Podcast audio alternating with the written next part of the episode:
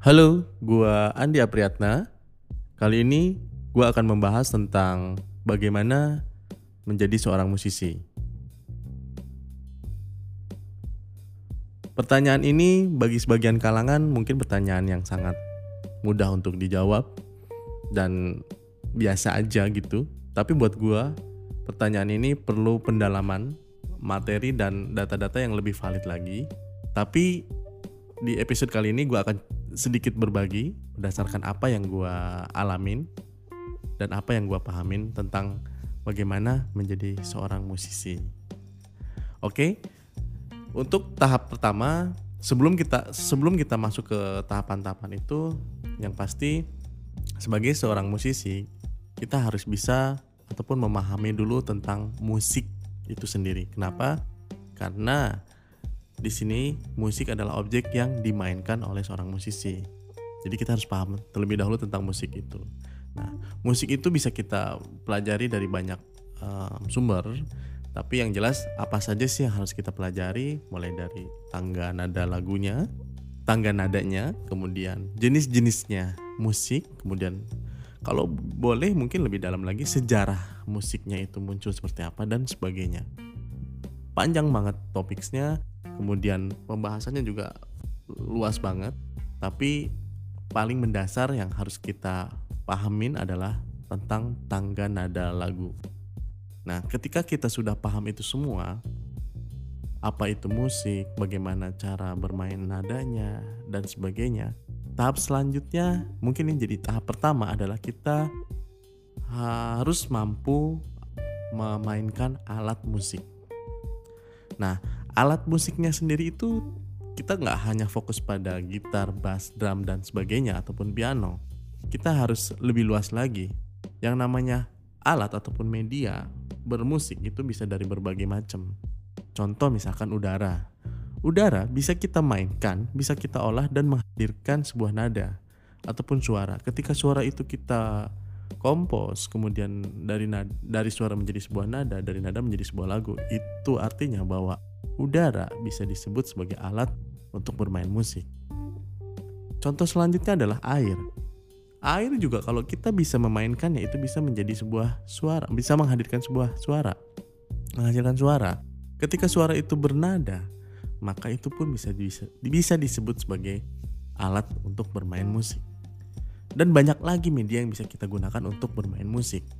Tapi di topik kali ini yang gue maksud adalah dan ini mungkin yang lebih mudah kita temuin yaitu memainkan alat-alat yang sering kali kita temuin di sekitar kita alat-alat musik seperti piano, gitar, drum, bass dan sebagainya.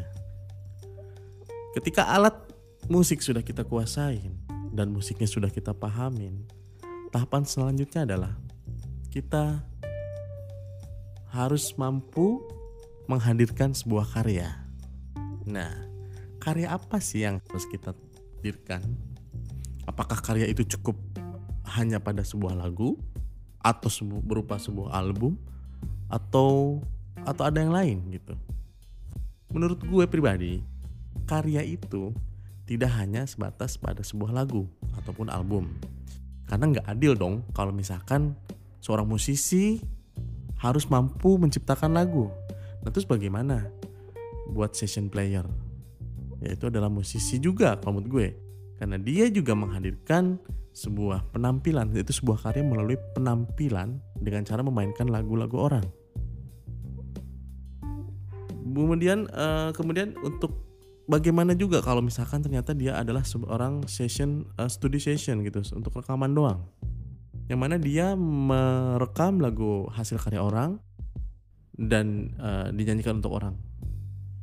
Apakah dia bisa dikategorikan sebagai musisi? Kalau menurut gue pribadi dia bisa, karena dia menghadirkan karya.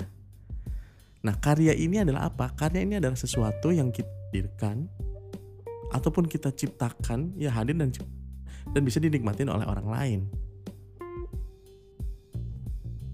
Seperti halnya session player tadi. Mereka memainkan musik orang lain atau mengiringin musik ataupun penyanyi orang lain di sebuah cafe let's say tiap malam. Artinya bahwa mereka itu berkarya tiap malam. Karena apa? Karena mereka menghadirkan penampilan perform yang oke. Okay. Kemudian pengunjung yang datang ke situ bisa menikmati permainan mereka, perform mereka, mereka terasa terhibur dan ada message ataupun apa mereka mendeliver sesuatu di situ. Artinya bahwa session player ini sudah menghadirkan sebuah karya setiap malam bahkan. Beda hanya dengan kayak gue misalkan, gue adalah uh, musisi uh, drummer uh, salah satu grup dan gue menghadirkan karya mungkin bisa setahun sekali. Nah mereka itu bisa setahun sekali Makanya nggak adil kalau mereka nggak disebut sebagai musisi juga. Begitupun juga dengan si uh, studio session gitu ya. Mereka menghadirkan feel di setiap lagu yang mereka rekam. Kemudian mereka juga menghadirkan uh, nyawa pada lagu itu. Artinya bahwa karya yang mereka hadirkan itu bisa dinikmatin dan dideliver ke orang lain. tahap selanjutnya untuk menjadi seorang musisi yang menurut gue tahapan ini adalah tahapan yang lebih lanjut dan ini mungkin buat gue menjadi cambuk yaitu konsisten. Kenapa? Karena ketika kita sudah memilih peran seorang musisi atau menjadikan musisi itu sebagai profesi, artinya di situ ada sebuah tanggung jawab yang harus kita penuhin. Tanggung jawabnya di mana? kenapa mesti jadi tanggung jawab kenapa kenapa itu menjadi sesuatu yang biasa aja kalau menurut gua ketika sudah menjadi profesi artinya kita itu sudah ada yang mengfollow ataupun menyukai kita.